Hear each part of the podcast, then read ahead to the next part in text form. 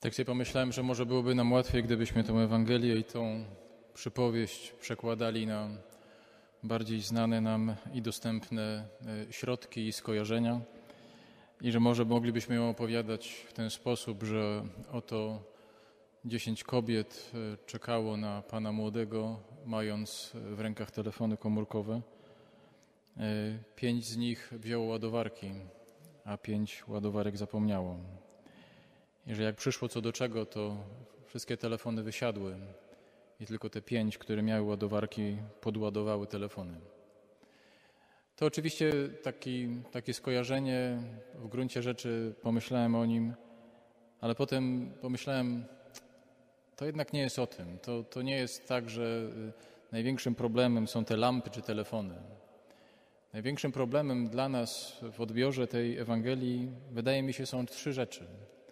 Trzy, które brzmią bardzo mocno, bardzo nieprzyjemnie, jak na słowa Pana Jezusa, jak na słowa, które spotykamy w Ewangelii. Po pierwsze, choć dzisiaj próbujemy tak to niuansować i mówimy, panny są roztropne i nieroztropne, to oryginał jest bardziej dosadny. Oryginał mówi o pannach i o, o ludziach, którzy są głupi, o mądrych i o głupich. I to głupi brzmi strasznie.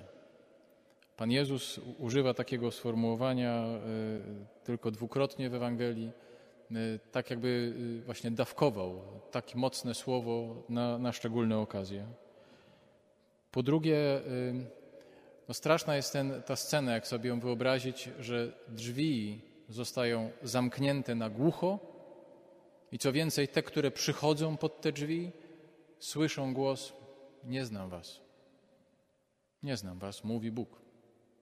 Nie znam, nie wiem, kim jesteście. I trzecia rzecz, która jest y, y, y, również wstrząsająca, tak, tak mi się wydaje, to jest to, że bohaterki zachowują się kompletnie inaczej niż nam się wydaje, powinny zachowywać się bohaterki Ewangelii. No bo one sobie nie pomagają. One się zachowują kompletnie w sposób egoistyczny. Myślą tylko o sobie. One przeczą wszystkiemu temu, co często się słyszy tu z ambony, że trzeba pomagać, trzeba się poświęcać, trzeba być wrażliwym na krzywdę, na sytuacje kryzysowe. One się tak nie zachowują i co więcej okazuje się, że to jest dobrze. Że w tej sytuacji to jest dobrze. Żeby to zrozumieć, pewnie trzeba popatrzeć na takie elementy, które w tej przypowieści są.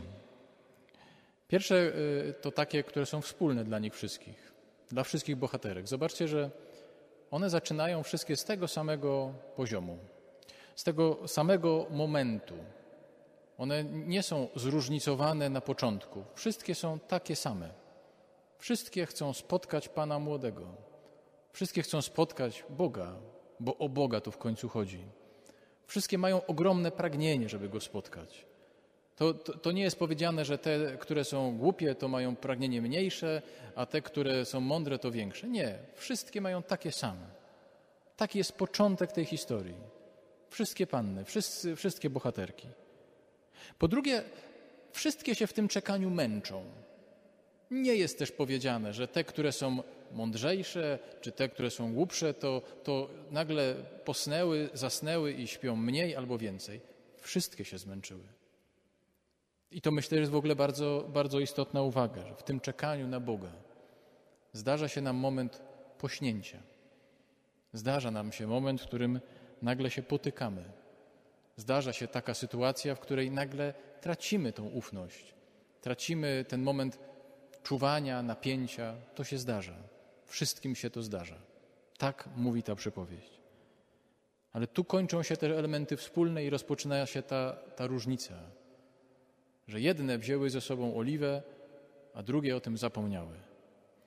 Pan Jezus ustawia tą historię w taki sposób i tak o niej opowiada, że wychodzi z tej przypowieści na to, że jednak jest coś, czego się nie da przekazać drugiej osobie. Skoro by się dało, to jedne powiedziały, to my wam trochę tej oliwy dolejemy, to my wam trochę tak użyczymy, może się uda. Ale jednak Jezus tak tą narrację prowadzi w taki sposób, że okazuje się, jest coś, co każdy z nas ma i to jest nieprzekazywalne choćbyśmy bardzo chcieli, choćby nam zależało na dobru kogoś, nawet naszych najbliższych dzieci, rodziców, kogokolwiek sobie tu podstawmy, męża czy żonę, i to jest nieprzekazywalne. I wydaje mi się, że to są dwie rzeczy. Jedna jest oczywista. Taka jedna w sensie taką, że ona się nam narzuca tu w tym kontekście kościelnym w naturalny sposób. To jest wszystko to, co związane jest z wiarą, z zaufaniem, z nadzieją. Tak naprawdę coś, co jest moją osobistą relacją z Bogiem.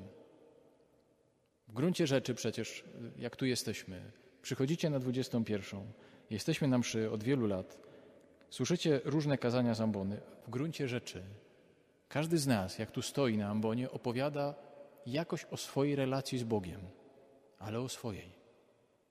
Próbuje tą relację przekazać, próbuje się nią podzielić i powiedzieć o swoim doświadczeniu miłości i miłosierdzia. Ale jakby się tak zastanowić, nie możecie nikogo z nas naśladować, tak jak ja nie mogę nikogo z Was naśladować. Relacja z Bogiem, ta intymna relacja z Bogiem musi być bardzo osobista. Nie możecie wierzyć, tak jak ojciec Nikodem, ojciec Norbert czy ojciec Roman. Nie możecie, bo będziemy śmieszni. Ja też nie mogę wierzyć jak Ania, jak Piotr, jak Krzysztof, jak Weronika. Nie mogę. Muszę mieć to, to moje. Bo może być taki moment, i o tym, to, to jest to, to, to, ten moment właśnie drzwi zamkniętych, nie? I którym Jezus mówi, nie znam was. Jak w innym fragmencie Ewangelii u Mateusza, Jezus ma taki, taki, taki, taki fragment, który mówi, spotyka się z, ze swoimi uczniami i oni mówią, Panie, ale myśmy robili tyle różnych rzeczy w imię Twoje. Ale myśmy prorokowali, myśmy mówili wielkie słowa w imię Twoje. Myśmy byli bardzo zaangażowani w Twoje imię, a On mówi, nie znam Was. Nie każdy, kto mi mówi, Panie, Panie, wejdzie do Królestwa Niebieskiego. Jest, jest to w końcu, no, no to jest straszne. Znaczy, bo okazuje się, że można być człowiekiem i zaangażowanym, i myślącym, a jednocześnie nie mieć relacji z Bogiem. Takiej osobistej więzi z Bogiem. Takiej, w której powiemy sobie, to, to jest mój Bóg. On jest taki, nie potrafię wam o tym inaczej opowiedzieć. Próbuję otwierać serce jak mogę. Próbuję okazywać to, jak ja tego doświadczam, ale to jest moje. Ostatecznie to jest mój Jezus, bardzo osobisty. I to jest taka rzecz, do której ta Ewangelia nas bardzo podprowadza. Ta przypowieść, która mówi, jak tego nie masz,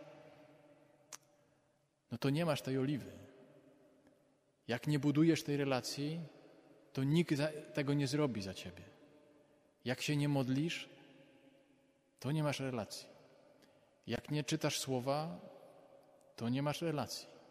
No trzeba to sobie mówić bardzo wyraźnie. Nie da się tego podsypać. Nie da się tego przekazać. Ja mogę o tym opowiadać.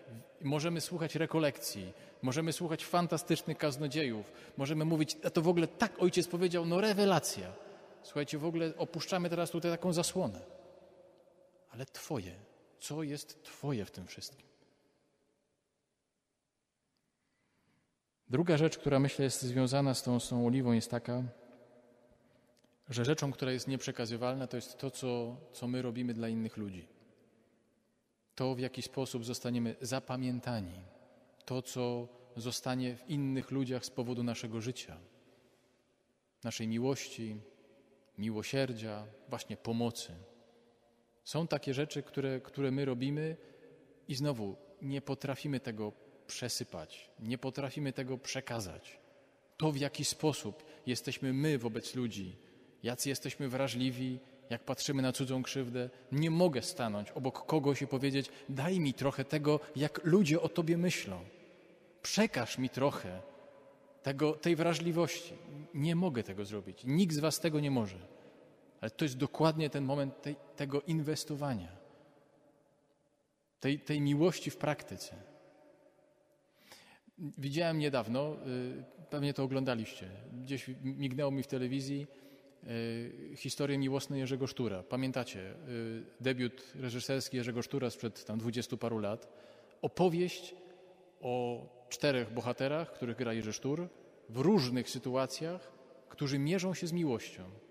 I ostatecznie są z tej miłości rozliczani. Każdy z tych bohaterów mówi: Ja kocham, ja tak bardzo kocham, ja jestem zaangażowany, Ale w momencie, kiedy spotykają się z takim tajemniczym ankieterem, który jest Bogiem, sumieniem, który zadaje im takie proste pytania: jak wygląda ta miłość? Jak to jest na co dzień? Co Pan o tym myśli? A jak Pan myśli, jak Pan jest odbierany? Jest takim momentem odzierania ich ze złudzeń.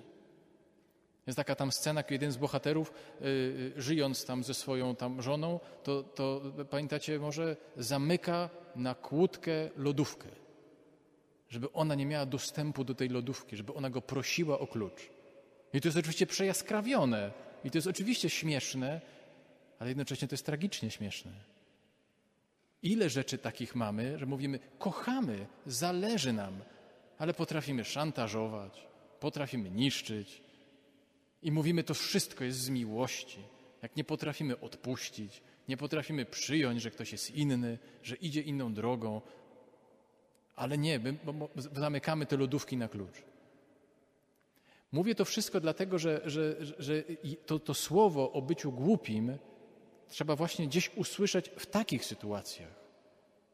Jezus e, mówi do nas, do naszego serca w taki sposób, żeby rzeczywiście to serce wzdrygnąć. Żeby rzeczywiście był taki moment, w którym nagle otrząsamy się, mówimy, ale Panie Jezu, ale takim tonem, no inaczej się może nie da. Bardzo ciekawe zdanie powiedział swego czasu papież Benedykt XVI.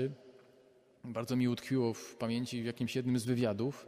Y, y, ktoś go zapytał, y, Ojcze Święty, a co by miał Ojciec Święty do przekazania tak generalnie wszystkim chrześcijanom na całym świecie? Nie wiem, czy to było przy okazji świąt, czy to w ogóle, nie wiem, jaka tam była, jaki był powód. Natomiast on odpowiedział tak, żyjcie intensywnie chwilą obecną. No to jak, oczywiście, jakby ktoś to słyszał, powiedzieć, znaczy co, no Ojciec Święty zachęca nas do tego, że, że teraz mamy wszystkie używki świata wyciągnąć i, i, i jedziemy i, i w ogóle nie ma żadnych granic. Wręcz przeciwnie. Żyjmy intensywnie chwilą obecną. Ta, która jest, jest nam dana po to, żebyśmy inwestowali w relacje z Bogiem i w relacje z ludźmi, bo to jest oliwa do naszej lampy, która pozwoli nam spotkać się z Bogiem. To jest ten moment inwestycji teraz, nie jutro, nie we wtorek, nie od Adwentu, nie od Nowego Roku, dzisiaj. To dokładnie o to chodzi. Żyjmy intensywnie chwilą obecną, przeżywając i szukając obecności Boga i ludzi potrzebujących. My wszyscy, jak tu jesteśmy, każdego z Was, jakbym zapytał, powiedzielibyście: Bóg jest dla mnie ważny. Bóg jest bardzo dla mnie ważny. Ja Boga traktuję bardzo poważnie. Ale tam jest pod spodem powinno być drugie pytanie: to pokaż. To jak to wygląda? Z samego mówienia, z samego pragnienia to się jeszcze nie dzieje. Nie przybywa nam tej oliwy. My oczywiście powiemy od razu wtedy, to nie jest takie proste, proszę Ojca. To jest bardziej skomplikowane. I teraz sobie przypomnijcie, dlaczego ta przypowieść się dzieje w nocy. A no właśnie dlatego, że Pan Jezus każe nam budować relacje z sobą i z drugim człowiekiem w nocy, czyli w okolicznościach, które nie są sprzyjające które nie są idealne, w okolicznościach, które mówimy, to są moi rodzice, no ja nie mogę inaczej. Nie, no to jest moja teściowa, ja nie mogę, a nie, to mój szef, kretyn skończony. A to w ogóle dookoła, a to, co ludzie mówią, a przecież, no jak ja mam wierzyć, jak dookoła w kościele to jest tyle grzechu. Jak ja mam, mieć, jak ja mam się modlić, jak, jak ja mam w pracy taką sytuację, że wszyscy na mnie najeżdżają? Ta przypowieść dzieje się w nocy, w takich okolicznościach nie w innych. Jakby to była przypowieść, która się dzieje w dzień, to byłoby wszystko super wspaniale. Nie, dzieje się w nocy, w okolicznościach, które przeszkadzają temu z natury. Tak mamy. Tak jakby nam Jezus mówił, zostawcie to, ale mityczne, które jest kluczem i wytrychem do tego, żeby nic nie robić. Nie jesteśmy święci, ale jesteśmy ludźmi, którzy mają szansę. I ciągle ta szansa jest nam dawana. Każdy ma tyle samo. Każdy zaczyna z tego, wszyscy jak tu jesteśmy, zaczynamy z tego samego poziomu.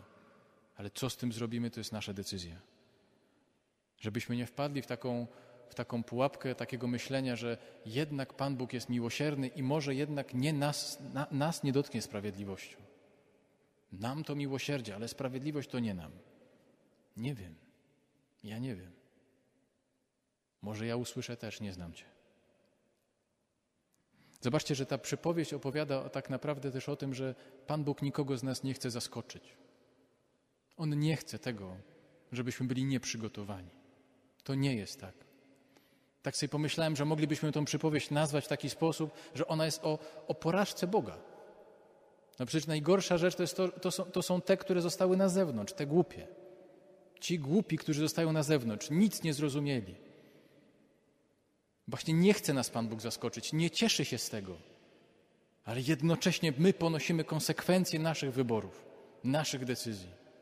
To wszystko, co, co robimy, to wszystko, co się dzieje w Kościele, co wszystko dzieje się w przestrzeni naszej wiary, jest próbą odczytania tych znaków, które Bóg wysyła ciągle do nas.